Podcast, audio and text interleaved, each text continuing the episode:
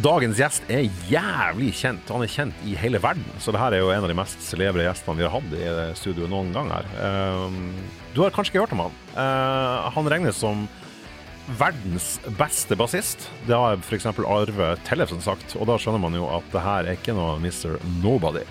Det er selveste Knut Erik Sundquist, og grunnen til at du ikke har hørt om han, kan nok skyldes at du kanskje ikke har vanvittig peiling på bassister innenfor klassisk musikk. Men han Knut Erik er verdenskjent som nettopp det, og han er ikke bare det, han er også en ekstremt begava musiker som har gjort og samarbeida med ufattelig mye folk. Han har spilt over hele verden. Han har spilt på noen av de største konsertscenene som finnes i, i både Europa og i USA og i Asia. Og han er ikke minst et enormt fyrverkeri av et menneske som er alt annet enn sjenert, og som har em, masse å komme. Han er en eh, sjelden fyr, han Knut Erik, og jeg er djevelsk stolt og glad for å få han inn i studio. Da har vi fått en eh, meget celeber gjest i studio. eh, Knut Erik Sundquist, velkommen til, til gards. Tusen takk. Har du det bra? Ja, nei, her så har jeg det jo glimrende. Tenker du bare i byen Tromsø, da? Ja, Ja. og, og her hos deg. Det er hyggelig å være her. Det er så fint å høre. Eh, Du er jo en, eh, en, eh, en tromsøværing, som folk sikkert hører på, på dialekter, for de som er opptatt av dialekter. Eh, Men du bor altså i Harstad, Ja. Eh, og vi sitter i et studio på avishuset til avisa i, i Tromsø.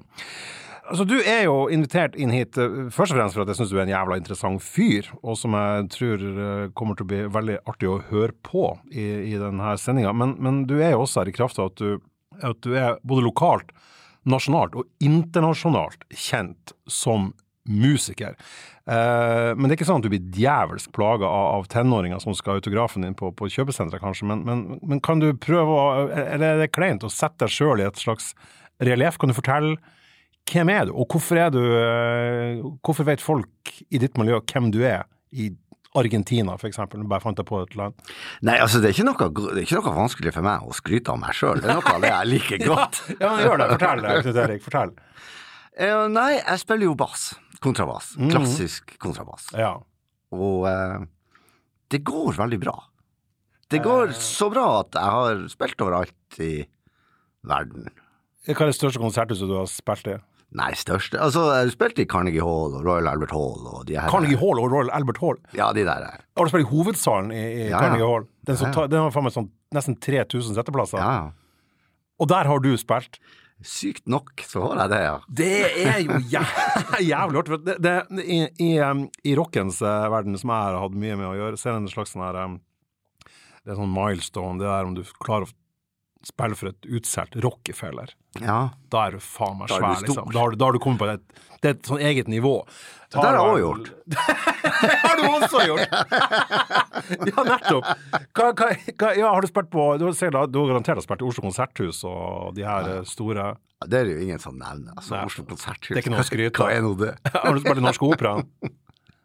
Eh, Nei, jo, det har jeg jo. det har altså, du. eh, Violet Road leide jo operaen. Ja, stemmer det. Et Tromsø-band, for de som ikke vet det. Et uh, Tromsø-band bestående av veldig hyggelige gutter. Ja, kjempetrivelige folk. Ja. Og de skulle ha et oppvarmingsband, så da spurte de meg også, en fiolinist, klassisk. Så vi, Ja. vi var oppvarmingsband for Violet Road. Support for Valley Road Support for Violet Road. i operaen! Ja, jo. Wow. Men det var jo artig. Jeg var i New York og spilte i, i eh, storsalen i Lincoln Center nå.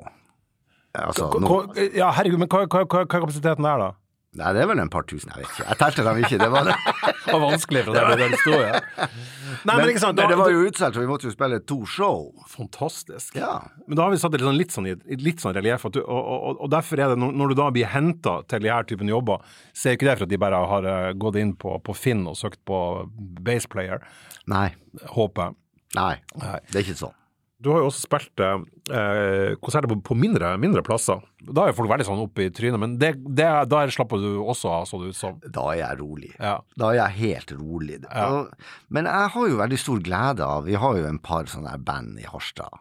Et sånn irsk eh, et irsk pubband som heter Ugliners, og et eh, Øgliners. Ja, Ugliners. Vi spiller sånn Dubliners-musikk, men jeg er ikke like pen. Så. Nei. ikke like pen som, som Dubliners. Og da er du ikke spesielt pen. Jævlig bra. De- Ikke, ikke, ikke fullt så vakre som For de som ikke, for de som ikke vet hvordan Dubliners ser ut, ser ut eh, de som er igjen av dem, i hvert fall, google det og trykk på bildesøk, så hører dere hvor eh, Hvor stygg Ugliners er. hvor- Uten at jeg sier noe mer enn eh, enn- enn det. Men ok, Du spiller da i Ugliners, og så spiller du i I Krutrøyk, et eh, countryband.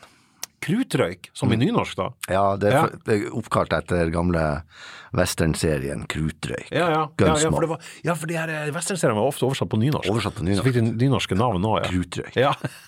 Ku- Kult, da. Men jeg, jeg, jeg var inne i, eh, jeg var inne i, eh, i eh, Nasjonalbiblioteket og søkte på navnet ditt, eh, og fikk jo en helvetes masse treff, for du har spilt så mye konserter i, i Norge. Å ja. Eh, Da er jeg jo inne i søkebasen til alle avisene i Norge, og bøker og alt som er. Og så jeg skulle finne noen konsertanmeldelser med, for jeg har på en måte skjønt at det, det, det der med å spille konserter for deg handler også om, om veldig mye mer enn det å bare treffe den rette tonen.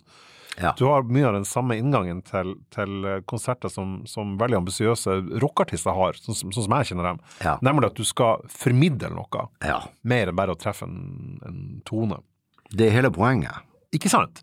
Og der ser det ut som Og det er mulig at jeg, det er for at jeg kjenner deg, at jeg, at jeg dermed tror at det er annerledes, men det virker som du skiller deg litt ut likevel. At det med formidlinga er noe du, du har ganske langt frem i bevisstheten at er viktig for prestasjonen din på scenen. Jeg tror kanskje eh, mer enn snittet av mine klassiske kolleger, ja. Ja. Mm. Blir du da irritert når folk er bare gode og ikke eh, har den formidlingsgreia? Jeg blir jævlig irritert hvis jeg, hvis jeg skal på scenen sammen med klassiske kolleger som ikke skjønner at nå er vi på scenen. Ja. Nå er det show. For at det er et publikum som betaler penger for å se Sant? dere. Nå er det show. Ikke sant? Ja. Folk som begynner å skal ha med veska si inn og eh, Nei, altså. Ja, ja, ja, ja. Nei, det syns jeg er elendig. Det er jo ikke det samme å høre på plate som å gå på konsert. Nei, virkelig ikke. Nei. Eh, og for ofte tenker man at det her kunne man heller hørt på plate, og man sluppet å gå ut. Ja, da skulle vi vært hjemme varmt og ja, og trivelig. Og. Grandis og Ja, alt, alle de tinga. ja, ja, ikke sant. Nei, for jeg, jeg husker jeg spurte en gang om eh, Vi var jo en tur i England i lag, Ja. og så på flyet på vei hjem så var jo jeg, jeg var jo fortsatt jævla nysgjerrig på det her klassiske eh, musikklivet ditt, og så, så skulle jeg, ha- jeg skulle ha deg til å si eh, hvor god du var, da. Og så, og det, er jo, det er jo jævla sånn ubehagelig å skal si Ja. hvor god man sjøl er. Ja. Eh, særlig når det blir litt sånn masete. Eh, og etter tre dager på, på fylla i England, så er det sikkert ekstra, ekstra slitsomt med en sånn, sånn fyr som meg, som, som da gnåler. Og så sa du at eh, når det gjelder sånn klassisk bassist, så, så, så var du nok i, i toppsjiktet i verden, da. Eh, fikk jeg resta ut av det. Vi får kokt det ned til at det, dere er to stykker, da, egentlig, som det sto imellom. Men da landa du på at nettopp det der med eh, den scene, utstrålingsbiten, det må, det må levere den, den, den, den, den pakken, da. At der hadde du et fortrinn. Å ja. Sa, jeg- sa jeg Eh, det? Ja, du sa det. Sånn. Å, faen. så, og så, og så, og så, så, og så da, og vi var jo ikke klinkædre, men så sa du liksom Så jeg er kanskje best, sa du. så, men, jeg- men Det er jeg- jo jævlig teit. Nei, jeg Hvor synes- teit går det an å bli? Nei, jeg, synes- jeg synes det, var- jeg synes det var helt fantastisk. Men det, men det, det vi da fikk en prat om, husker jeg, det var nettopp det her med, nettopp det her med å skjønne eh, alvoret med å stå på en scene. At det er et publikum der, at du skal levere varene. da. Ja. Men du vet at hvis vi begynner å snakke om, eh, om musikk og hva, hva, hva er det som gjør at man er god, Ja. så det er så mange forskjellige parametere. Ja, det er helt eh, Det, er Det helt går ikke an å, håpløst. å, å, Eh, går ikke an å, å si. Nei, derfor, det er derfor blant annet, i hvert fall, jeg syns musikkonkurranse er jævlig teit. Derfor er det deilig å si jeg er sikkert best. Ja. ja, for det går ikke an å, det går ikke an å måle. Det Sette går ikke an å måle, måleapparat. Nei. sant? Når var verdensmesterskapet? Nei, sant. Nei, for det er mye lettere da. Hvis du da, hvis du da er spydkasting, så er det sånn eh, Hvis du hiver lengst 82-90. ja, ja, hvis du hiver lengst, så er du best. Sånn er det. Ja. Så det er litt verre- litt verre på kontrabass og, og, og skrive og, og gjøre sånne ting. Det Da. er jo det som er. Jeg fant en anmeldelse her på en konsert du gjorde eh, på Kulturhuset under Nordlysfestivalen i 21. januar 1995. Å, dæven. Jeg ser det skrev han Per Christian Olsen. Ok. Han gikk vel nylig av med pensjon. nå. Eh, en eh, kulturjournalist som jobber i NRK i en haug med år. Lagd dokumentarfilmer og lagde også rockens historie, husker jeg, i sin tid. Bok om Pussycats og Ja, skrev bok om Pussycats. det har du helt rett i. Og han, eh, han eh, var redaktør, eller han- han var kulturredaktør i Nordlys i 1995. For det husker jeg, for da hadde jeg platebutikk. Ja, riktig. Så han, var, han, var, han syntes jeg hadde dyre plater og skrev kommentar om det, husker jeg. Så jeg skrev, jeg skrev et svarinnlegg til han i 95, derfor husker jeg det. Han, han har skrevet her da om eh, Knut Erik Sundquist. eh, da er du i lag da med Jan Gunnar Hoff Ja, og riktig. Sveinung Lillebjerka på Kulturhuset i Tromsø. Så skriver han Bestemødrene i salen sitter forgapt, og til jentene sender Sundquist et og annet blunk og høster varme ung pikesmil. Dæven! Dæven! Da kan du faen Dæven, meg det var faen meg flørtende eh, bassist. Og så, og så ser jeg bilder av deg på, på sida som er tatt av han Stein Antonsen, der du, der du sitter og eh, det, Du ser ut som du har det jævlig trivelig på scenen. da. Ja. Ja, og du er 61 år, er du ikke det? Ja. Eh, ganske nøyaktig ti år eldre enn enn meg. ja. Og det her har du holdt på med hvor lenge? Altså, jeg var jo ikke noe vidunderbarn. Jeg begynte å spille bass eh, i rockeband her i byen da når jeg var 13 år, noe sånt. Og du begynte med elbass. Jeg begynte med elbass. Ja. Eh, da er jo jeg selvfølgelig veldig spent på hva er det som gjør at du går ifra han her vanlige kiden som, som er interessert i, i rock, til å ende opp i Carnegie Hall fremfor 3000 sittende eh, sitteplasser da, eh, utsolgt. Hvordan havna du der? Ja, altså, det er jo ei lang historie. Ja, det er jo det. Det er jo det. Da jeg vokste opp, jeg var eldst i søskenflokken, så jeg hadde Ja. ingen storebrødre å, å rette meg etter når det gjaldt musikk. Hvor mange var dere?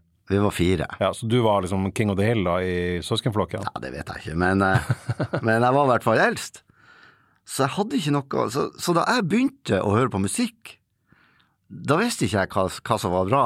Og hva som, jeg hadde aldri hørt noe Å ja, nettopp! Du, du hadde ikke noen sånn, eh, noen som, en sånn mentor som fortalte deg hva Ingen som var, fortalte hva meg som var at kult? eh. Stones var kul, Nei, ikke og sant. Beatles var bra, liksom. Nei, ikke nettopp. det visste ikke jeg. Nei. Så vi begynte å høre på da The Sweet og Slade. Ja, den eh, britiske glam-rocken, ja. Den der. Ja. Det var på en måte det første. ja, og det er jo jævlig tøft en dag i dag, da. Ja, helt klart det er tøft, men, Eh, Ja. men det var liksom Det var rart. Du vet, man hadde en sånn her eh, disse her eh, singelplatespillerne hvor, hvor høyttaleren var sånn lokk oppå. Ja, de Bambino-spillerne. med Ja, du sånn- kunne sette sånn opp i- batteri, eh, opp i- ja, ja. ja, ja, ja. De var jo jævlig tøffe. Jævlig bra. De får du masse penger for i dag, tror jeg. Tror du det? Så har de originalt, ja. Godt behandla, vel å merke.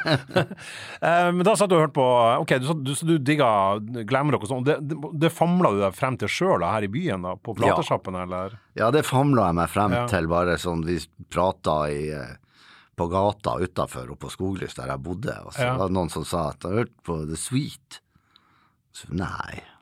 Ja, prøvde man det? Ja ja, det var jo ganske tøft. Ja, Sweet er jo dritkult. Ja, ja. Ballroom Blitz er kanskje den mest Ball- kjente, Ballroom Blitz var jo- kjente låten deres. Ja, helt, eh, ja. Ja. Ja. Nei da, det der, det der eh, holdt jeg på med.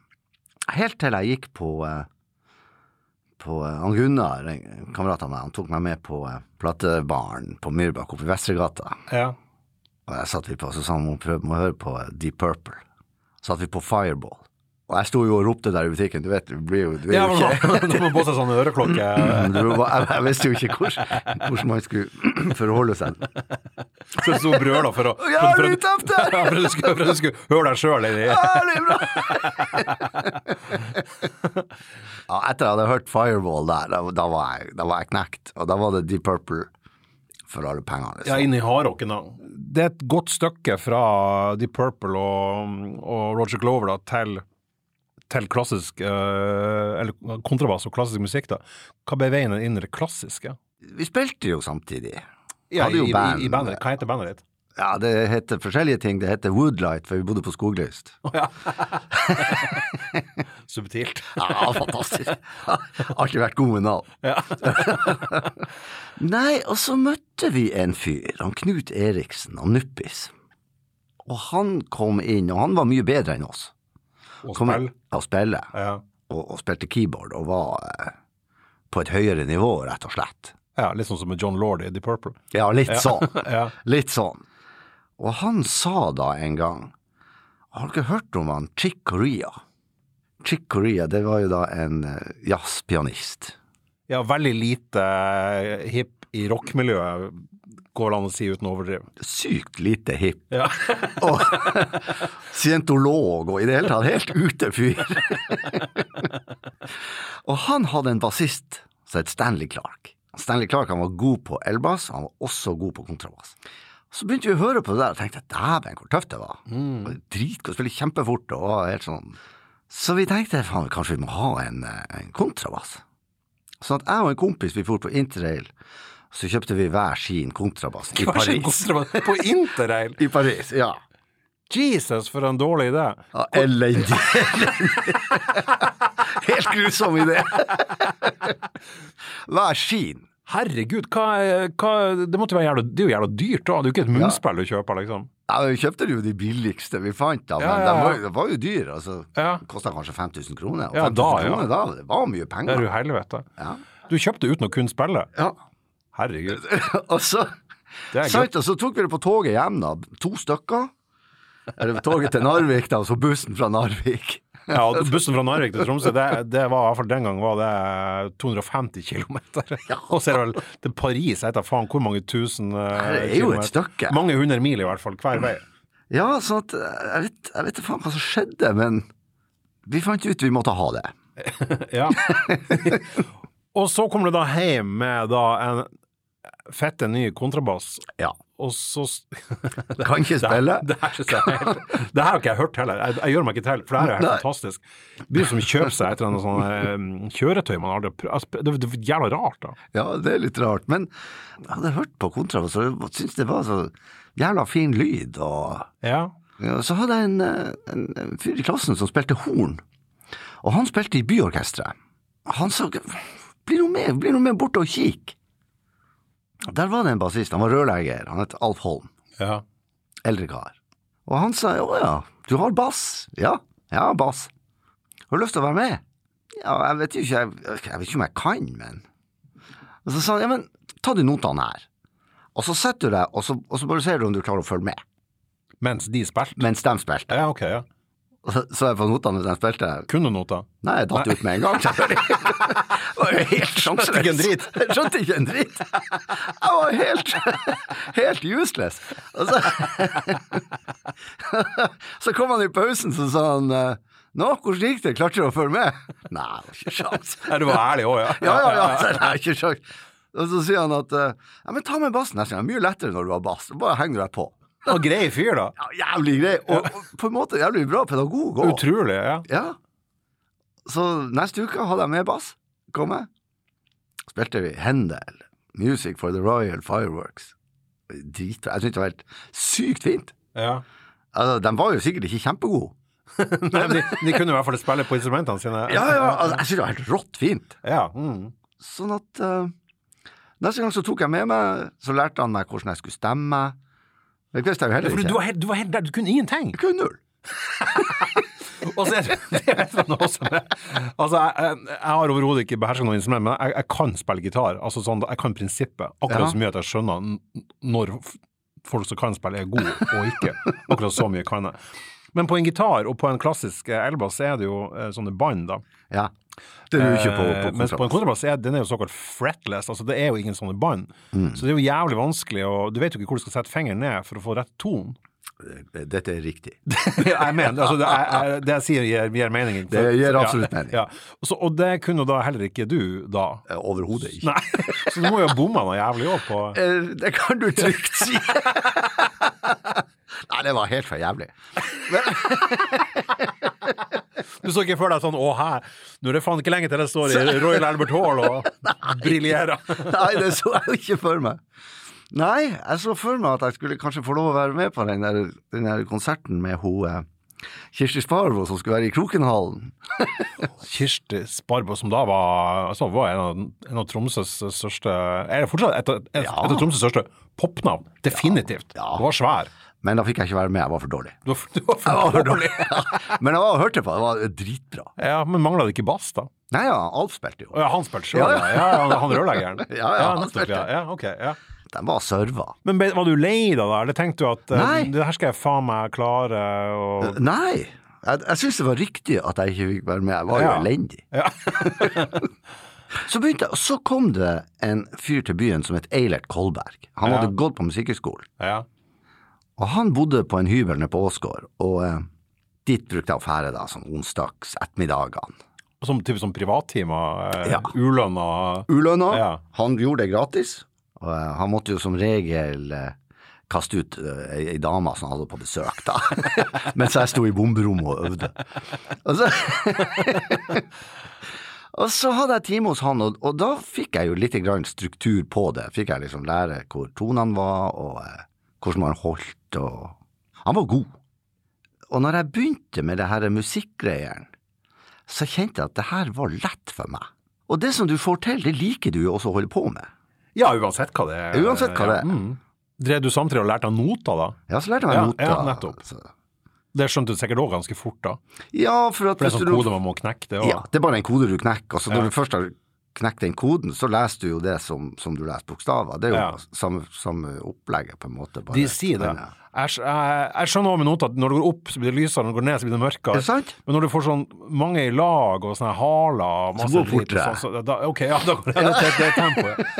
det der er det, det er for veldig mange innenfor um, populærmusikk i hvert fall som ikke kan eh, noter. Nei, Men det tror jeg kanskje er at det bare er mer sånn, at- sånn akkurat som å frykte et fremmedspråk, på en måte. At man, det er akkurat sånn man ikke gidder å lære seg å lese arabisk, liksom. det er. Sånn det er. Det er sånn det Det er akkurat sånn det er. Ja, ok. Det er sånn det, hvis du har lest arabisk, hvis du, har- hvis du har gjort det en stund, hvis du begynner med det, så lærer du det jo. Og da kan du jo lese det. Mm. Men- Samme er det jo med noter. Du, du endte jo da eh, etter hvert opp med å skjønne at det her, det her var så artig at det, det ønska du å gå all in på, da. Så hvor går vi da fra det her eh, bomrommet til han rørleggeren til det begynner å profesjonalisere seg, det her, da? Jeg hørte jo også eh, en, en bassist eh, som het Konrad Kaspersen, som var en, eh, en eh, kontrabassist her i byen. Å ja, som var her fra Tromsø, ja. Ja. Og han var også en stor helt for meg. ja. Han spilte dritbra.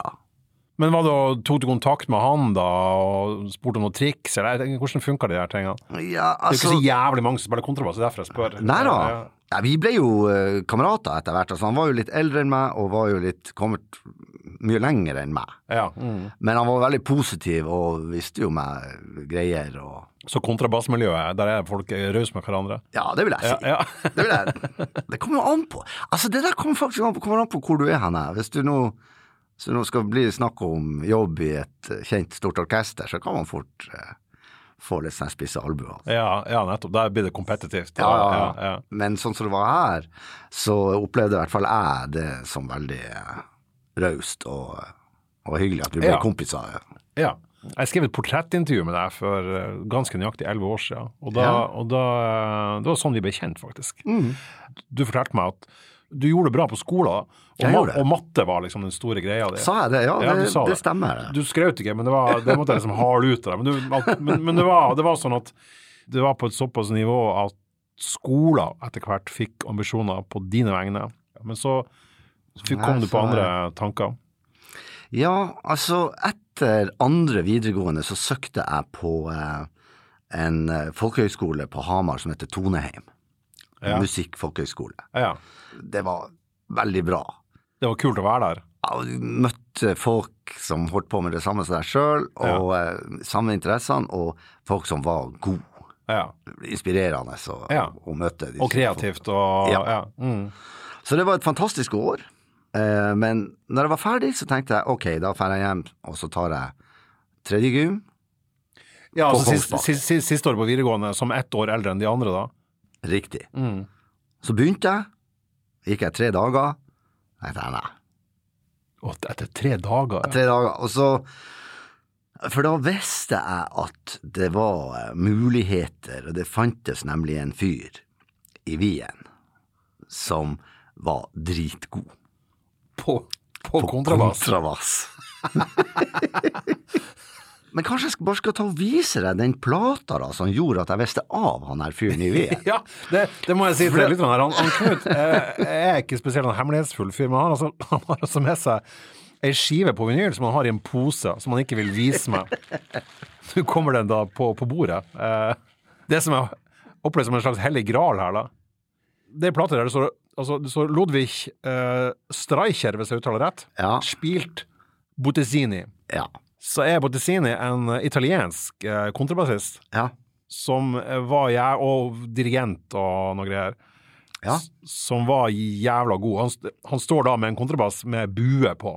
eh, og og ser ut som en gammel italiensk eh, banditt med sånn g- grått kjemma hår. Og, og det her er da altså da ei skive på Telefunken eh, Records som, som eh, Som jeg kjøpte i Brighton på den neste eh, interrail-sommeren. Sommeren etter. Fortell. Ja, altså, jeg hadde ikke hørt om Ludvig Streicher, jeg hadde ikke hørt om Bottestin, jeg hadde ikke hørt om noe av det her. Nei, hvordan er du da opp med å bruke pengene dine på det? Fordi at jeg var interessert i alt som hadde med bass å gjøre. og det bildet av Herregud, det her en er fa- kontrabass Det her er faen meg så bra. Det bildet av en kontrabass, derfor kjøpte jeg den. Ok, helt på sånn som man kjøper eh, skive på for at bandet ser tøft ut på coveret. Ja. Og du kan jo se det coveret her er jo ikke akkurat det kuleste coveret. Han ser jævlig lite Han, han, er, fa- han ser faktisk så ukul ut at det er tøft på en litt sånn ufrivillig Ja, eh, absolutt. det er En litt sånn lutrygga gamling som står og henger over en kontrabass. Sant? Helt for jævlig. Altså, når du er, når du er, når du er sånn 16-17 år, hvorfor, hvorfor syns du at det her er tøft? Det her, det her er jo faen meg under punken, det her. Ja, ja. Det er jo midt i punken.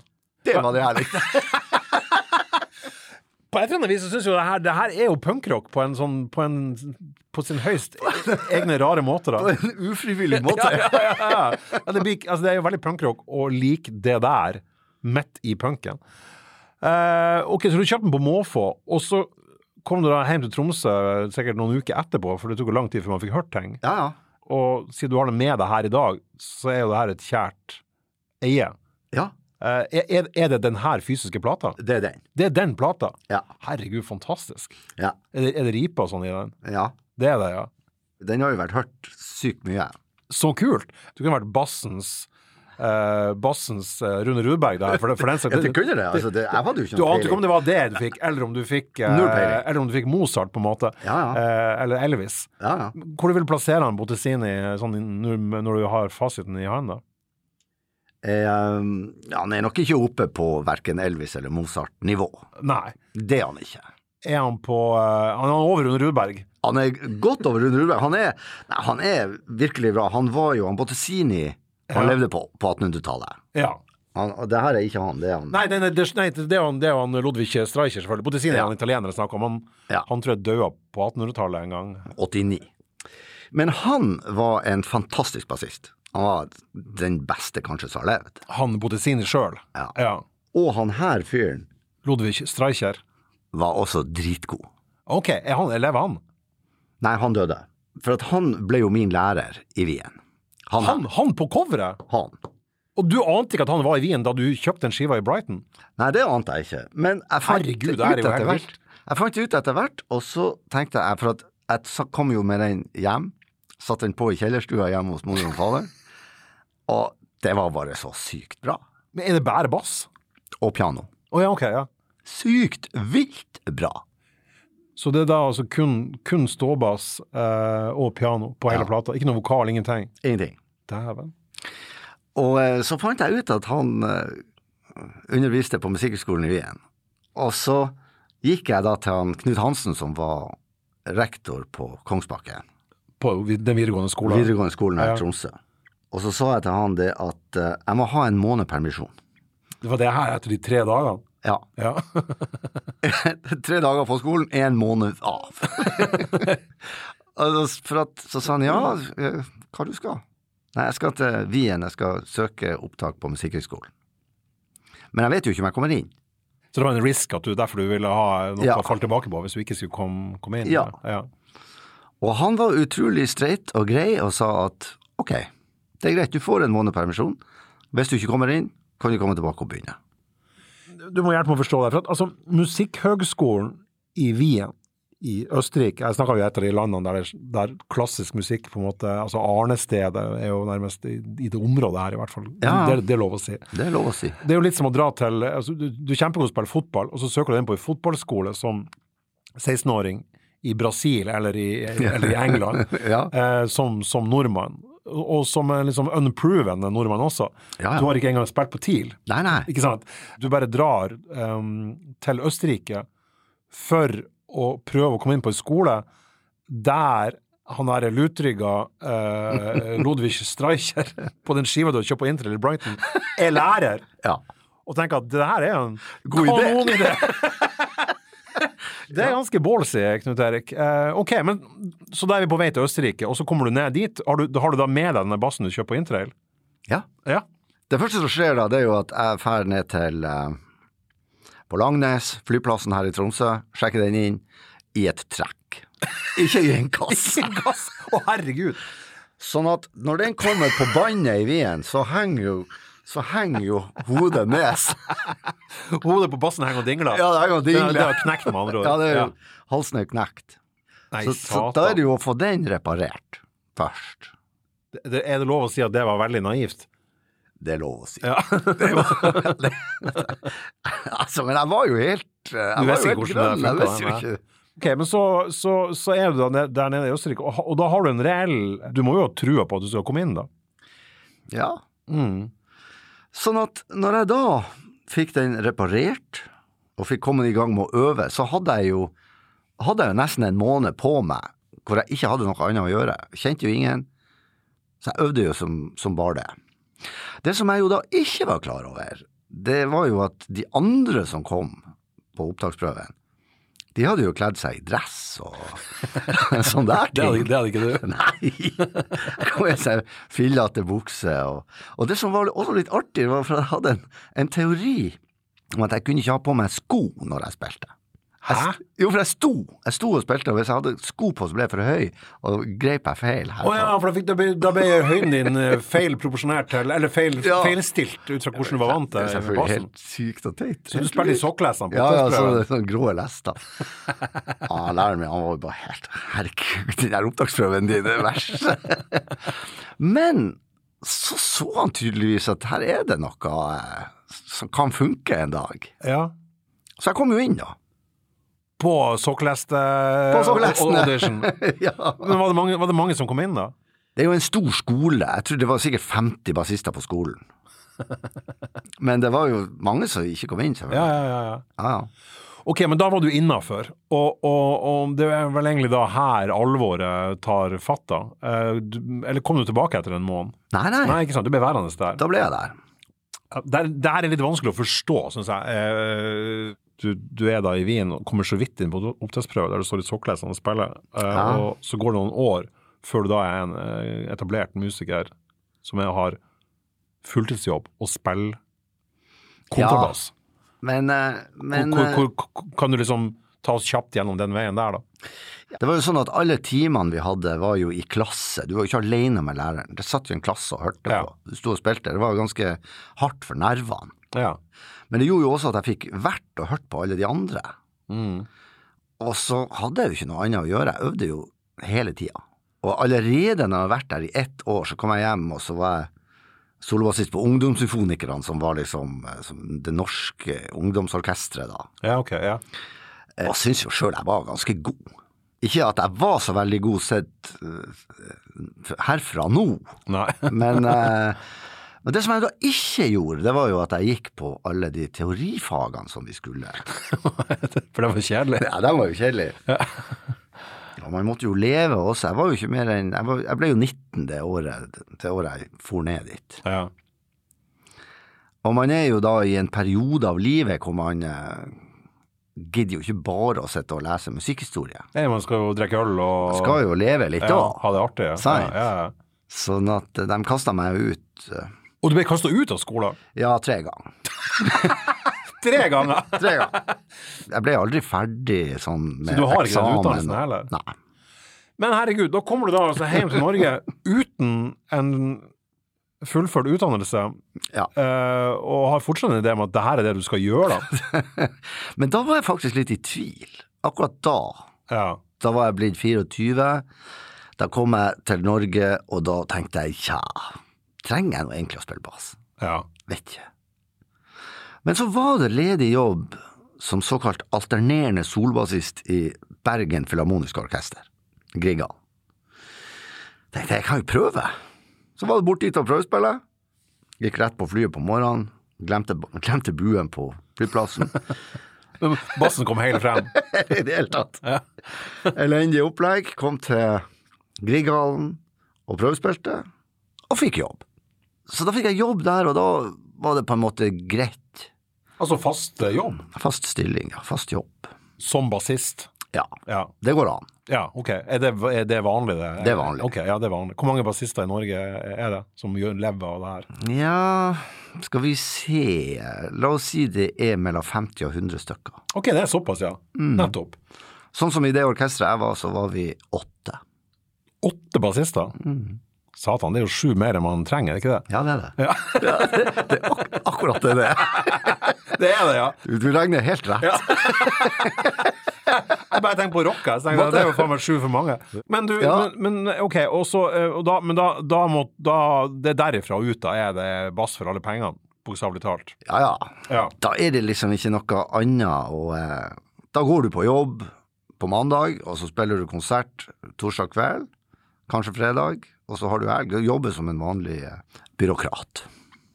M- Musikkbyråkrat. Ja, og det her, eh, og det her er på midten av 80-tallet, ikke sant? 80, 86, ja. 86, ja. Mm. Og der ble du værende en stund. Ja, Ja. der var jeg i sju år. I sju år, ja. Mm. Jeg syns det var kult, da. Ja, det var ok. Altså, det var, jo, var jo opp og ned, men, eh, men det var ok. Vi, vi var mange på samme alder som begynte samtidig, og det var et fint miljø, og det Ja. var ok. Ja, Det er jo en kul by å henge i òg, Bergen. Ja. Men jeg kjente jo hele tida det at jeg er nordlending. Jeg er ikke bergenser. Nei, det er jo knapt eh, du, skal, være- du skal være bra i- fra innsida av sentrumskjernen av Bergen for å være bergenser òg, eller for å bli sett på som Ja. da. Ja. Uansett hva du gjør, du kommer inn på en pub, kommer inn på en butikk, og så bare åpner du kjeften og sier jeg skal ha en, eh, et glass vann. Folk vet med en gang at du er ikke derfra. Ja. Mm. Du er, du er en fremmed. ja. Mens her er det jo annerledes. Jeg snakker for deg sjøl, du er i Harstad. Så jeg, ja, ja. Jeg har vært i Tromsø, men Nei, jeg skjønner, jeg skjønner selvfølgelig hva du mener. Du, vi skal, vi skal, um, vi skal eh, overhodet ikke forlate deg som bassist, men vi må, eh, vi må um, høre hvor dine musikalske referanser er. igjen. Vi har allerede blitt sl- slusa gjennom hva skal jeg si, berg-og-dal-banen din fra, Sweet og Slade. eh, via Deep Purple og til eh, Ludwig Streicher og um, Chick Corea og Stanley Clark. Så det er men da er jeg, tenker jeg sånn når, eh, når, og For det syns jeg er jævlig interessant, siden du egentlig har din musikalske smak er jo på en måte eh, Fundamentet ligger jo egentlig i rock. Så når jeg da spør deg, eller spurte deg da, hva, hva er det du ville hatt med deg på ei øde øy, hvis hvis du skulle ta med ei plate, eh, så ville jeg kanskje gjetta på Jeg ville kanskje gjetta på eh, den her Bottesini-plata. Eh, men det var ikke den du gikk for. Nei. Nei, det var aldri, eh, det, det var aldri noe spørsmål om det. Nei, og da gikk du for Ja, da sa jeg det at det må bli ei av eh, Deep Purple fra Mark II-perioden. Ja, og Mark II-perioden er 69 til 73. Noe sånt. Ja. Men når han Ian Gillen og han Roger Glover ble med. Ja, at Vi snakker altså Deep Purple, og, og, og du lander da på Og det var litt morsomt, du lander på, altså på skiva In Rock. Deep Purple Ja. In Rock, som den da heter. Um, du var åtte år da den kom ut. Ja, Du kom inn i 70, på tidlig på året. Ja. og du er født i slutten av oktober. jeg var altfor ung. Ja. Jeg hørte ikke den da. Nei, nei, ikke sant. Nei, nei, nei. Så, så, så, og og den, den skiva der er jo Den er jo eh, en sånn monsterklassiker som, som, som er Jeg holdt på å si hogd i stein, det er den jo faktisk på coveret også. Det er jo Ja. det klassiske Mount Rushmore-coveret der, der eh, ansiktene på, på bandet er hogd inn i fjellet. Det er noen som har jobba ganske bra der i den, eh, i den eh, markedsavdelinga der. Ja, ja, ja. ja, ja. Ah, og In Rock også, så det er jo Deep Purple Jeg in må Rock. er- si det, der det er jobber veldig, de det er godt. veldig bra, bra, bra jobba. Ja. Faktisk stilig jobba. God, god dag på jobb. Litt bedre enn den herre Ludvig Streich. Ja, jeg skal legge ut bilde av den her eh, Ludvig Streicher-plata, for den er, det, er altså, det, det er kanskje det minst Nei, jeg tror, kanskje, altså, jeg, jeg tror kanskje jeg kunne funnet på å kjøpe den der hvis den var jævla billig, på en plate, for at den, og satt den på uhørt på fest, liksom. Men i hvert fall, In, In Rock med The Purple ehm, det er jo en plate som står utrolig sterkt i rockehistoria. Den, den kom som sagt i 1970 og har jo låter som både Speed King og, og Child in Time, er selvfølgelig, som er kanskje den mest kjente. Den her, Ja, men når du hører åpninga der, når Speed King kommer altså, Og det er den første med Mark II, etter de har bytta ut to av medlemmene i gruppa. for de var jævla annerledes til å begynne med. De første platene så covra de jo Beatles og fomla Dritbra. og- Jo, men bra. Jo, men fomla vennlig. Help! Ja, ja, ja, ja, Kjempebra. ja, ja, cover- ja og covra, covra liksom ting som var ve- litt sånn utafor det vi tenker på som Purple i dag. Absolutt. Hey Jeg s- Joe. Mm. Ja, ikke sant. Nettopp. Veldig, veldig sånn langt unna den in rock-utgaven av, av, av bandet. Eh, men her, er- ja, Speaking er, er jo en kul låt. Jeg syns jo den Bloodsucker, den andre låten, kanskje er den Også beste. veldig bra. Eh, og der er det jo også en, eh, en rytmeseksjon som er helt vill. Mm. Roger Glover i storform. Ja, han var ikke så verst, han eh, Ian Pace heller, da, Nei, på, på, ikke så på, på, verst. på, på tromme. Eh, og og, og, og det, er- det er utrolig kult å høre på det i dag, særlig hvis man hører det på, på ordentlige anlegg, altså, hvor, altså, hvor, eh, hvor j- jævlig god de får spille òg, da. Ja, Allerede da. Var det. Ja, Ja. han var det. Og det, er jo- det tenker jeg er litt kult, da, med at du velger Deep Purple og har det mer på øde øy, det er jo at selv med hva det da blir, det blir faen nesten 40 år da, i den klassiske musikkens tjeneste, Ja. så er det rock du tar med deg ut på Nødøya. Ja, jeg bare kjenner at jeg blir så glad når jeg hører Deep Purple. Ja, ja, Det er bare noe deilig med det. så du har aldri forlatt det, det er det jeg mener. Du, du, Nei. er, du er jo skrudd sammen av mange komponenter. Du, du, så den, den rock-delen av deg, den bærer du fortsatt Ja, med deg. Hvordan absolutt. var det der i, i for eksempel da, i, eh, i Bergen-filharmonien? Var det mange der som hørte på Deep Purple? Nei, det tror jeg ikke. Men Nei. jeg, men jeg tror samtidig at det er en styrke å ha med den rock eh, den rockdelen Ja. Mm. i, i musikken sin. At man eh, ja, m- kjenner til den typen groove og den typen den måten å høre på og spille på. Liksom. Ja. Når du hører på rock, blir du da, har du da jævla lav toleranse for dårlige bassister? da? Nei, nei. Nei. Nei, nei, nei. Nei, nei, Du er hør på veldig rock. årbærende.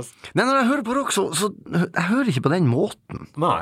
Jeg bare hører om jeg syns det er tøft, og Ja. jeg hører ikke på spillinga i den forstand. Nei. Nei, ok. Sånn som jeg kan gjøre med klassisk. Da blir det sånn der ah, Oi. Oi sann. Ja, jeg er bedre enn deg. Oi sånn. sann. Ja, men tenk, tenk, du må jo kunne tenke det. Nei, det her gjør jeg mye bedre sjøl. Jeg mener, da fikk jeg jo ikke annet å gjøre hvis jeg bare skulle tenke sånn. Nei, det, var- det, det, var- det var litt sånn Og det var litt sånn cocky og usjarmerende også. Nei, nei, nei. Nei, nei. nei jeg driver ikke på sånn. Men, men det er klart at eh, når jeg hører klassisk, så er det mye mer eh, den typen lytting. Altså Ja. at eh, Litt mer på jobb. eh, Ja. Ja, mm. jeg hører rock, så bare slapper jeg av. og ja ikke koser meg. sant. En- Det, det er jeg veldig enig i. Ja. Jeg, jeg også. Eh, nei, for at det, altså, The Purple er jo, i likhet med de andre store engelske bandene på denne tida, altså primært av eh, Led Zeppelin og, og Black Sabbath, Og det Black var- det var Sabbath. De, de, de tre, og Purple og Sabbath var vel begge fra Birmingham òg, hvis jeg husker rett. Så er jo det band som eh, de var jævlig skoledannende eh, i det de gjorde allerede da på, tidlig på 70-tallet, og de er jo fortsatt det. Og de blir jo fortsatt sett opp til av de som starta i dag. Så, så det, det er jo ikke den verste plassen å begynne på heller, da, når du, når du eh, Nei da. endte opp som musiker. Så det å ha The Purple i bagen, tenker jeg er en sånn Kunne vært verre referanser enn det. Nei, altså, jeg tror det var flaks.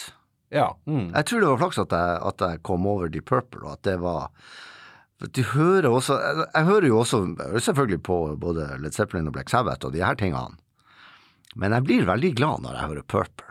Jeg husker The Purple, for at det var jo eh, det var jo selvfølgelig Smoke on the Water er jo liksom låten alle eh, som spiller gitar i f- fire eh, minutter, så er det første du prøver på, er jo, er jo Smoke on the Water. da. Ja, ja. Um, men så husker jeg at den, eh, den In Rock-plata var jeg veldig sånn overraska, for jeg trodde at The Purple var sånn flinkis-heavy altså i slutten av da jeg gikk på gymnaset. Ja. Og så hørte jeg den eh, Det var særlig den Bloodsucker-låten da, som, som jeg kikka på, og så da Black Night. ja. Singelen som kom ut s- Singel. samme året, den, den sommeren i 1970. og Som nå Den ofte var er vel på- aldri på en eh, LP? Nei, den har vært inkludert på sånn her jubileumsutgave av In Rock. Ja. Så den, Riktig. den måtte jeg faktisk kjøpe på sjutommer. Med en sånn grønn og gul Harvest-etikett. Den med. der. Ja. Så den har jeg på originalt, på vinyl. Nydelig. Det, det, syns- det syns jeg er veldig tøft. Nydelig. Jeg husker jeg snakka med deg, Knut Erik, om, om, eh, om det her med å sette opp eh, populærmusikk opp mot klassisk musikk. For, altså, hvem er størst, og så videre og sånn. Og litt av problemet med mye av den klassiske musikken er jo at den, den har jo, man har jo bare hørt den i, i coverversjoner. Så det er jo egentlig bare karaokeversjoner vi har hørt av de mest kjente, da. Ja. I sånn i prinsippet, sier at mange av dem er daua før verkene deres ble, ble, ble, ble spilt inn. Da. Så snakka vi om det, liksom, så, hvem som er størst og sånn. Du nevnte The Purple, og så snakka jeg om Elvis og Iggy Pop og masse sånn, og så Beatles, ikke sant. Alle de her eh, litt sånn objektive tingene man kan bli enige om. Men så sa du at men det er, jo ingen, det er jo ingen som er like stor som Mozart. Jeg sa det, ja. Ja, Du var jævla påståelig på det. Du, Ja. var, du, du åpna for at Elvis muligens var der. Ja. Kanskje Beatles, liksom. Men, men som som én person så, så var det som Mozart var var liksom den råeste av alle. At det var et sånn, det var et sånn flammende geni som eh, Ja. Vi har snakka om det at det er mange forskjellige måter å være musikalsk på. Og jeg tror at han Mozart han var musikalsk på alle de måtene som vi, som vi, som vi måler. Ja. Altså, han hadde, han hadde et, et vilt gehør. Når tolv år var han i, i Petterskirka. Hørte han i noen messe, sånn hellig, hvor notene var innelåst hos paven, og eh, det var sånn herre Ingen fikk lov å, eh, å, å spille det, for det skulle kun spilles på første påskedag i Peterkirka, liksom. Så. Miserere av Allegri. Og det her er jo et halvtimes verk, åttestemmig korsats, og han eh, Mozart ikke hørte det, tolv år gikk han hjem og skrev det ned. Men nota! Ja, han, gikk, han, gikk, han hørte det, Altså, så gikk han hjem og skrev det ned. Hele driten! Hele driten. Å, herregud. Så at han Mozart, han var Det er sånn Magnus Carlsen på speed. ja, ja, ja, men det er det. Han var Ja. jo sikkert også rar eh, sånn personlig. Han hadde jo garantert et eller annet. Ja, litt sånn Messi, Magnus Carlsen, eh, Ja. eh, eh, semi, et eller annet rart. Litt der. Ja. Og så var han jo så Han var jo så enormt god å spille så tidlig. Han var jo, han var jo bare åtte år når han reiste på europaturné. Herregud. Hva, hva var årstallet? Hva, hva vi snakka slags årstall her? Ja, han var født i 1756. Ja, Så- ikke sant? 1700-1800-tallet. Ja, og så døde han i 91. Han var- ble bare 35 år. Og så i tillegg så skrev han jo så sykt mye musikk. Han skrev jo hele tida. Man sier at du ikke klarer å skrive det ned på 35 år, det han skrev. Så mye er det.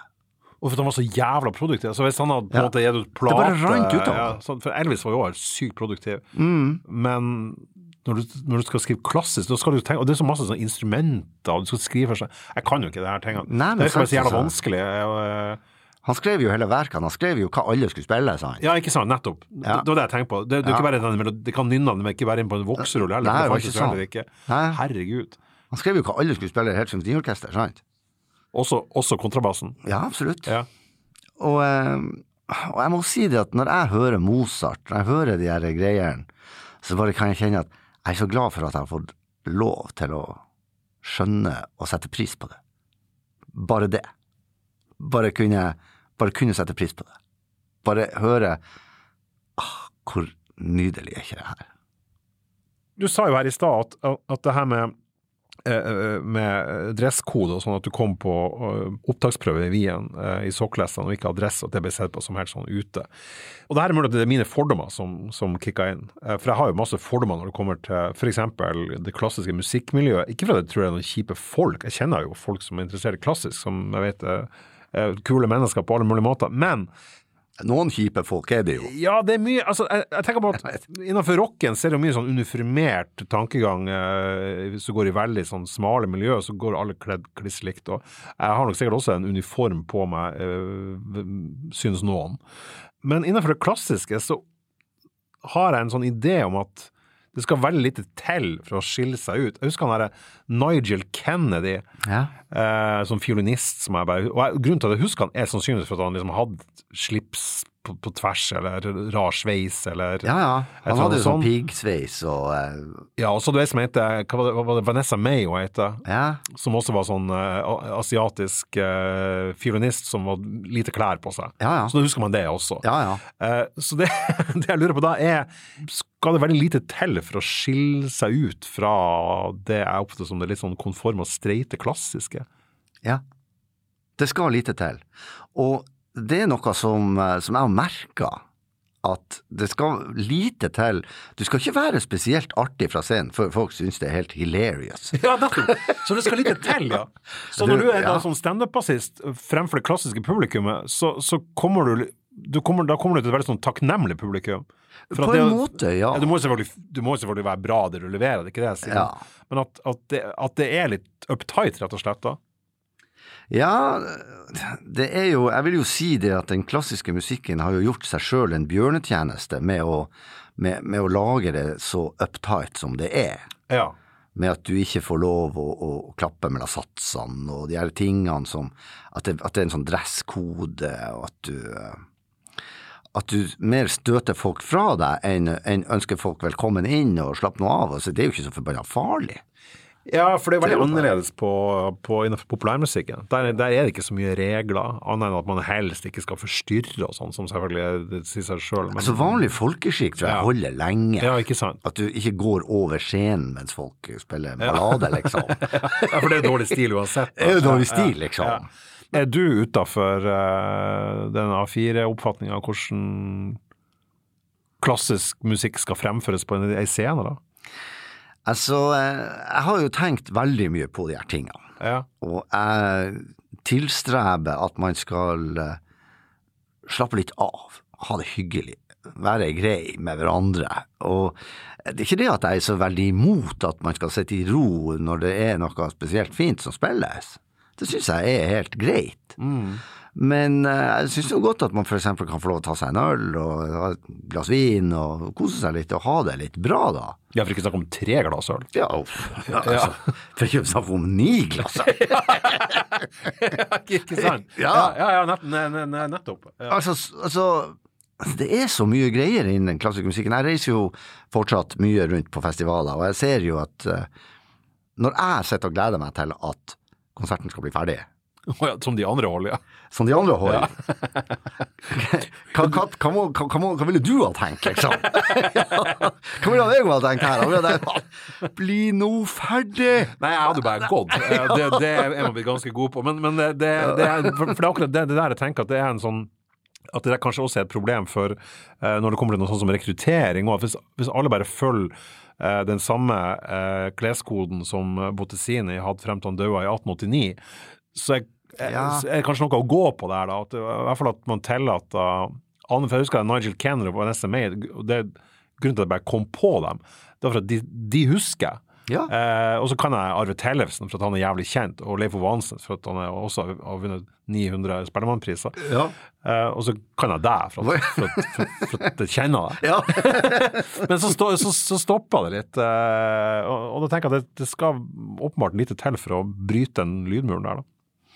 Ja, jeg merker i hvert fall det på eh, når du, eh, når du snakker litt sånn hyggelig på konserter, og, og eh, at eh, det, du, du trenger ikke å være liksom sykt artig. Bare kan være litt sånn hyggelig og vennlig, så er det greit. Liksom. Et spørsmål jeg bruker å spørre, det er om man hører på, på musikk eh, fremført av unge folk. Men en, en, en litt noe annen vri med deg er jo at eh, du har jo en sønn som heter Rikard. Hvor gammel er Rikard blitt nå? Han er 16. Han er 16, ja. Eh, og dere sitter mye og hører på musikk i lag, Ja, og da er det han som bestemmer og setter på. helt rett. Så, så eh, gir han deg noen inputs, da? Har du få- fått noe fra han som du ikke har hørt før? eh, som du har liksom Ja, Men han er 16 nå, og han er, han er blitt veldig jazzinteressert. Å ja, nettopp, ja! Så han eh, holder meg oppdatert på sånn eh, På ny jazz. jazz, da? Nei, gammel jazz. På gammel, ja, altså. gammel jazz. Bill Evans, eh, pianisten eh, Ja, for jeg husker jeg var hjemme hos Ja. deg en gang der han eh, Rikard satt på noe John Coltrane. Ja. Og Det var, det var altså så jævlig strengt! ja.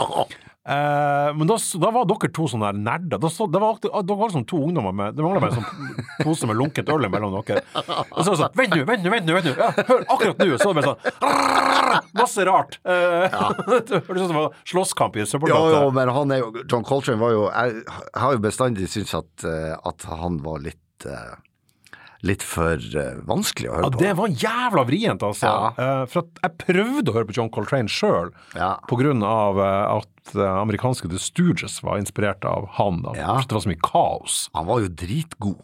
Ja, for det Men- var, og det var det du da, og Rikard, Ja. altså ja. påpekte sånn når jeg Ja. satt og hørte på. For Jeg sier, tenk, Det er jo bare tilfeldig. Nei, nei, nei, nei.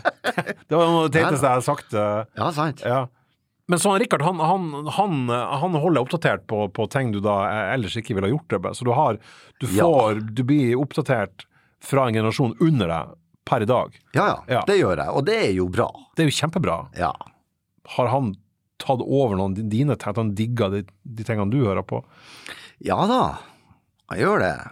Altså, det er jo, det er jo litt eh, det er klart, Man kan jo høre at han ikke er en helt straight forward fyr når han sier, som 14-åring, så sier han 'Pappa, jeg tror kanskje ikke det er noe finere musikk enn Rakhmaninov sin andre pianokonsert'. Jeg hadde tenkt eh, her må barnevernet kobles inn. Ja, det er jo, det, det er jo faktisk en varslingssak. Ja, helt, helt klart en varslingssak. Men eh, det, det vitner jo om en, en familie med, med, med mye musikk. Du er jo også gift med, med ei som er profesjonell musiker, Mm. eh, og du har en, en til sønn som også spiller i band og, Ja, ja. og sånn. Du har jo da spilt i noen av de største eh, konserthusene som er. Eh, eh, har du vært i, typ, sånn, i Asia også og spilt? Ja, Ja, Century Hall i Tokyo. Ja, ja. altså. Er, er du da en, er du eneste bassisten, eller er dere åtte da òg, eller? Nei, det kommer jo an på Altså, da var vi faktisk I Century Hall, da var vi mange. Da var det med et orkester sitt eh, eh, Luzern festivalorkester fra Sveits. Ja. Drittbra orkester med, med eh, ja, noen av de beste f- klassiske utøverne i Europa. Også en sånn legendarisk Men, regent. men eh, eh, jeg, jeg stiller sikkert bare dumme spørsmål, her, men altså eh, Hvordan ender du opp der, da? Du bor i Harstad. Hvordan i faen ringer altså, hva, Hallo, Knut Erik, kan du komme til Japan og spille bass? Hvordan, eh, hvordan fungerer det der? her? Nei, altså, jeg hadde jo vært i Venezuela da, og eh, blitt kjent med Selvsagt. Der, der er man jo rett som det å spille bass. Det er jo sånn, og spesielt etter at jeg kom til Nord-Norge, eh, så fikk jeg mer frihet å kunne si ja når det kom forespørsler. Ja, nettopp. At du fikk lov av arbeidsgiveren din. Ja. ja. Og da kommer du rundt, og så kommer du til forskjellige festivaler, og der møter du folk som er gode. Og så tenker du dæven, det der er jo fantastisk. og Jeg har, lyst, jeg har også lyst til å være så, god. Ja, ja, ja. Så drar du hjem og øver seg en gal, og så blir du jo bedre. altså. Og så ja, ja, ja. kommer du i en sånn spiral hvor du blir bedre og bedre. Og det er jo sånn det skjer, og da blir du jo kjent med folk rundt omkring. Og så er det noen som sier at ja, men kanskje vi kan prøve han Knut Erik. Han er ja, men ok, hyggelig kar. da.» ja, men sant, for det skjer jo sånn at du, du blir kjent med folk. Men det som er fascinerende her, er jo at i motsetning til f.eks. idrett, så der det er et ganske kort vindu Ja, eh, Altså hvis du ikke har på en måte Hvis du ikke har slått gjennom eh, når du er 29-30, så bør du kanskje tenke på et annet levebrød. Peile inn på noe annet. Men som musiker, så, så, så Og særlig innenfor klassisk, tenker jeg, så, så, så, så ser det ut som om folk altså Arve Tellefsen, han har jo du spilt med, har du ikke det? masse. Ja, masse, ja. ja. ja. Ja, han, han er jo hundgammel, og, og, og fortsatt eh, still going strong. Ikke sant? Så, så det er jo en sånn Det er ikke noe Du trenger ikke å være bekymra for, for fysikken foreløpig, da. Nei, men altså Men jeg vil nok si det at hvis du ikke har slått igjennom, hvis du ikke har blitt god før du er 25 Ja, ok. Ja. ja, så tror jeg du skal gjøre noe annet. ja. Du er Det såpass tror jeg. hårløs på det? Ja. Ja, det tror jeg, men når du da er blitt god, ja. så kan du jo holde på lenge. ja. Det var en, en pianist som het Horowitz, som var kjempegod. ja. Og jeg hørte en konsert med han da han var 83. Og det er bare så bra. 83? 83, og det er så bra. Det er ikke, det er ikke bra for at det er sånn så dypt eller så et eller annet. Det er bare så dritbra spilt. Ja, så han har på en måte finmotorikken er like bra, Ah, Kanskje ikke like, men i hvert fall men bra, veldig, bra, bra nok til at det veldig høres jævla, at det er jævla Ja, det bra ut. Ja. er Altså, skikkelig bra, og det er veldig inspirerende å høre på. Du Får sånn her eh, ja, du faen. Ja. Selvfølgelig. Så jeg håper jo det. Jeg tror jo at jeg, jeg skal jo fortsette bestandig. Men det er sånn du sier, når jeg sier sånn ja, Du har kanskje spilt med Arve Tellefsen? Eh, så sier du ja, masse! Og du har spilt masse med Leif Ove Hansnes òg. Ja. Ja, og han har du turnert med òg, vet jeg. ja. Arne Norheim, har du møtt han? Har du Ja. spilt med han? Har du det? Arne Norheim, jeg hadde han jo med på um, Sjøbua i Harstad og drakk øl. Arne Norheim? Ja. Hvordan var han? Han var fantastisk. Ja, utrolig fyr. Hvordan, hvordan, hvordan traff du Arne Norheim? Nei, Har du, har du altså, spilt med han? Eh, nei, altså, men han Jeg hadde et sånn derre showstykke som jeg spilte overalt rundt omkring på alle festivalene i Norge. Hvor jeg snakka og spilte samtidig, og, og snakka om hvor vanskelig det er å snakke og spille samtidig. Så blir det vanskeligere og vanskeligere. Og så, Altså som til slutt så- standup-bassist, da? Ja, så en slags sånn. Ja.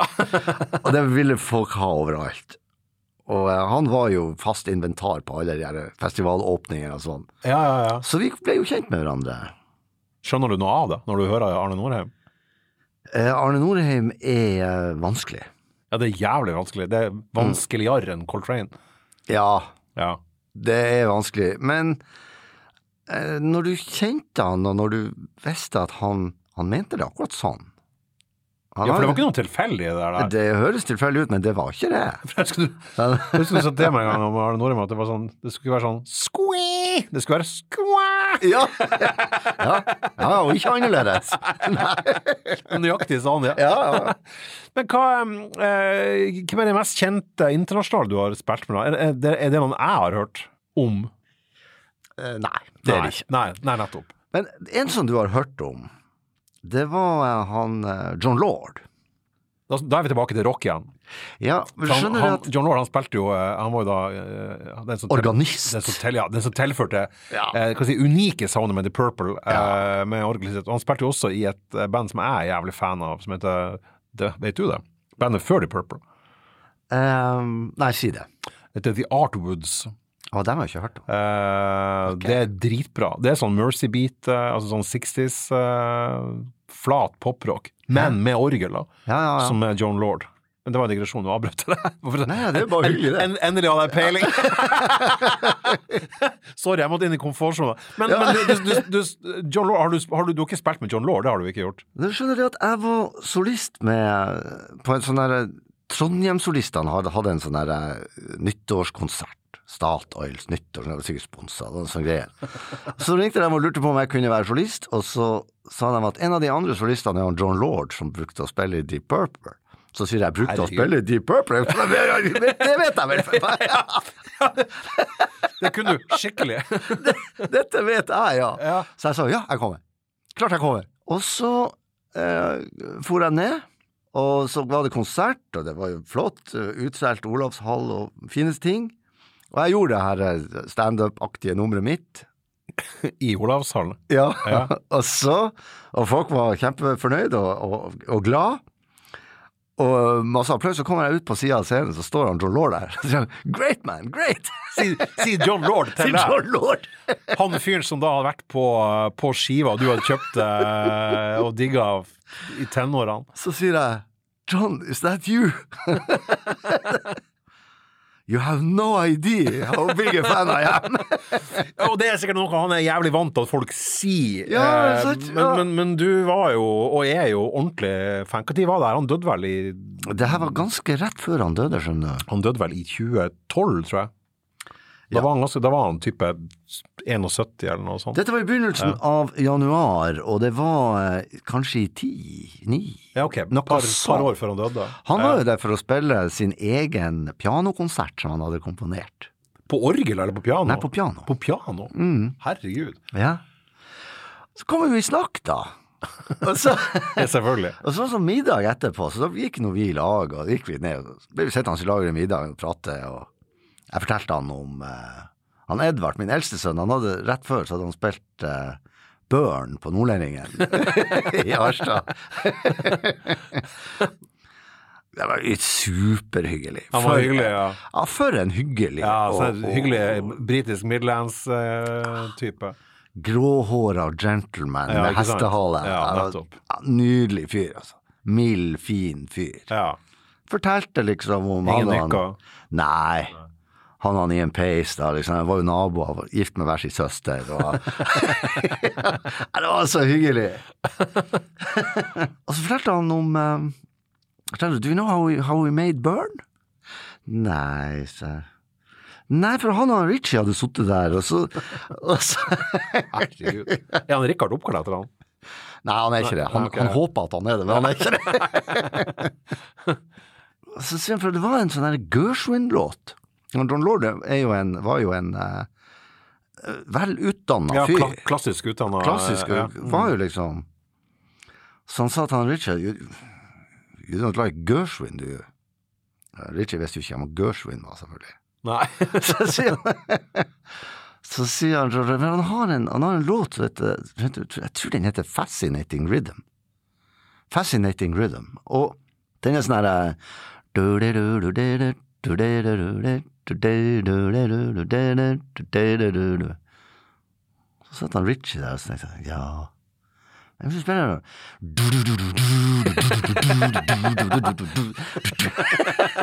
Så blir det, blir det rock med en gang. Da blir det ja. burn! Ja, ja, ja, Da blir det ja, ja. burn. Så blir det rippa rett av, da. Det var- det- Det er burn. Fantastisk! Bare sett først på klassisk, så kommer det ut en klassiker i andre enden. Sant? Sant? Herregud, det er jo helt nydelig. Ja, og det fortalte han John meg. Ikke det, ikke det, Ja, det er faen Ikke meg det helt, deilig? det er faen meg helt rått. Og så er det et eller annet med at de stjernene eh, treffes, og så at, du, at, at det er liksom Det her digga du før du begyn- begynte med det klassiske. Ja, Så kommer du inn i det klassiske, så møter du John Lord, som har vært i det klassiske, og så får du vite om den rocken som starta egentlig hele greia. ja. Det er jo faen meg Nei, poetisk, skjønner, det, bra. poetisk, det her. Jeg synes Det Erik. er bra. Ja.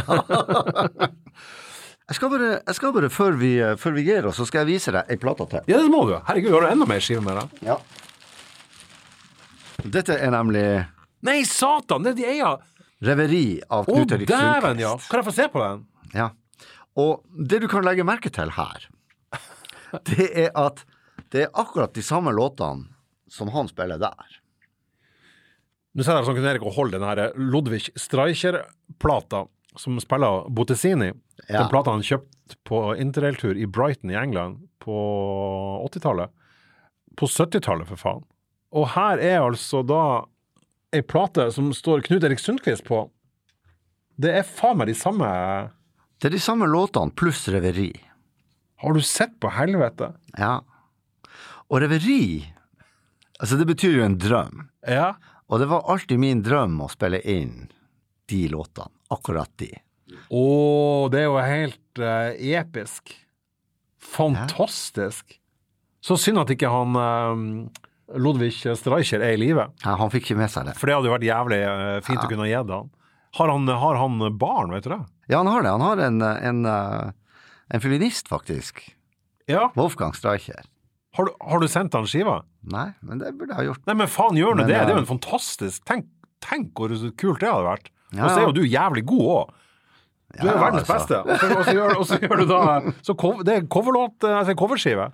Ja, altså, Ja, det er ja, ja. akkurat samme. Det er eh, Fy faen, er det. Gatefold alt det her. Du skulle jo ha hatt Gatefold. TV-sending her. Har du sett på faen? Dæven steike hvor tøft. Ja, der har du bilde av han òg! Ja, ja. Har, du- eh, har du kl- klargjort det royalties og sånn? Nei. Nei. Nei. og det her er jo jævlig tøft, da. Nei, du skjønner sånn at det er på en måte litt sånn ringen slutta-feeling. der Definitivt. med- Definitivt, Knut Erik. Mm. Ble jeg rørt? Og eh, jeg hørte jo faktisk på eh, Når du hadde han Jørn her i studio, Ja. og eh, han snakka om han hadde solgt sånn 160 170 000 av platen. Hvor mye har du solgt av den her? Jeg har jo et opplag på 500. Ja, hvor mange har du solgt av? 50, kanskje? Så er det en tidel, ja. Det var vel eh, ikke engang det antall promoer han gjør sendt til Nord-Norge. Men det var sikkert strømma noe jævlig av den, da. Så jeg var- den er ikke på eh, Den, den er Mm. ikke jeg, har ikke strømma lagt, jeg har her. ikke nei. lagt den ut. Men har du, bare- du har 450 igjen, da. Da, si- da lar vi det være en oppfordring til, til dagens lyttere at hvis du vil ha den her eh, Knut Eriks si coverplate, der han covra sitt eh, Barndom mest, sitt dop. eh, så er det altså mulig å få kjøpt den direkte fra han. Ja, det er det. For en eh, sympatisk penge, vil jeg tro. Veldig, veldig kult, eh, Knut Erik. Du har jo fått masse eh, utmerkelser, og har jo altså, du har fått kulturpris og nordlyspris og mm, Tromsø bys hederspris. Ikke sant? Ja, ja ikke sant. Men masse, masse, masse anerkjennelse for det, for det du holder på med. Samtidig så er det jo, så er det, jo um, det du holder på med, er jo eh, litt sånn fjernt fra den verden i hvert fall jeg normalt be beveger meg i. Um, du sier du har spilt for Hushold Rockefeller, så, så, så har, da har jeg en idé om hva det er for noe. For at jeg har gått der masse sjøl. Og for, og for at du har vært på scenen som konferansier, vel å merke, men så, man vet liksom hvordan det ser ut. Da. Ja, ja. Eh, eh, men, men kan du fortelle, liksom, når, du, når du da står eh, og spiller sjøl i, sånn, i Royal Albert Hall eller i Carnegie Hall, eller hvor nå enn det var i Japan du, du, du, du hadde spilt Suntory, det er det whiskymerket. Suntory. Suntory Hall, det er en whisky. Ah, ja, for de er jævlig gode på whisky i, Ja, i og Japan. dem, ja. og dem bygde da den her største salen i Tokyo, som da Nettopp. heter Suntory Hall. Nettopp. Det blir som Emirates Stadium, bare at det Nøyaktig sånn My, er det. mye kulere med whisky enn enn et flyselskap. Men, men, men, eh, men når du da kommer inn, eh, og du har sånn som da i, i- i Carnegie Hall, hvordan er det? Eh, Har du noia? Blir du nervøs, eller er det gleder du deg, eller hvordan, er, hvordan ser du ut, hvordan tenk, hva er det som er inni hodet ditt når du står der på scenen og ser ut i det folkehavet som det jo er?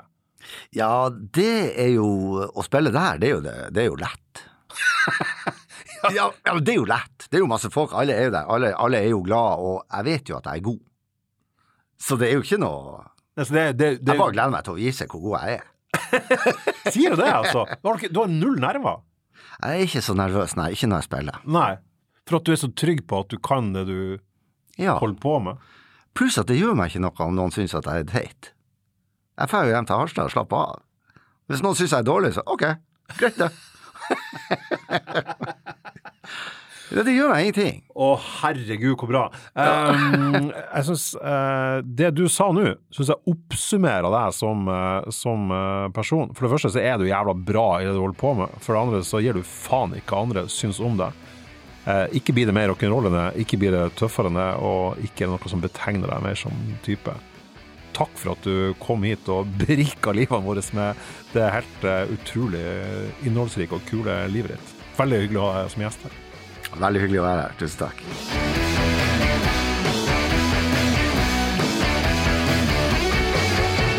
Feedback er en podkastserie fra avisa i Tromsø. Produsenten for sendinga var han Svein Lian, og jeg heter Egon Holstad. Husk også at vi lager spilleliste der all musikken som nevnes i sendingene, legges til. Og de finner du på hjemmesiden til Tromsø i feedback-seksjonen, der du også finner anmeldelser av plater, anmeldelser av konserter, samt intervjuer, lister og masse annet aktuelt musikkstoff.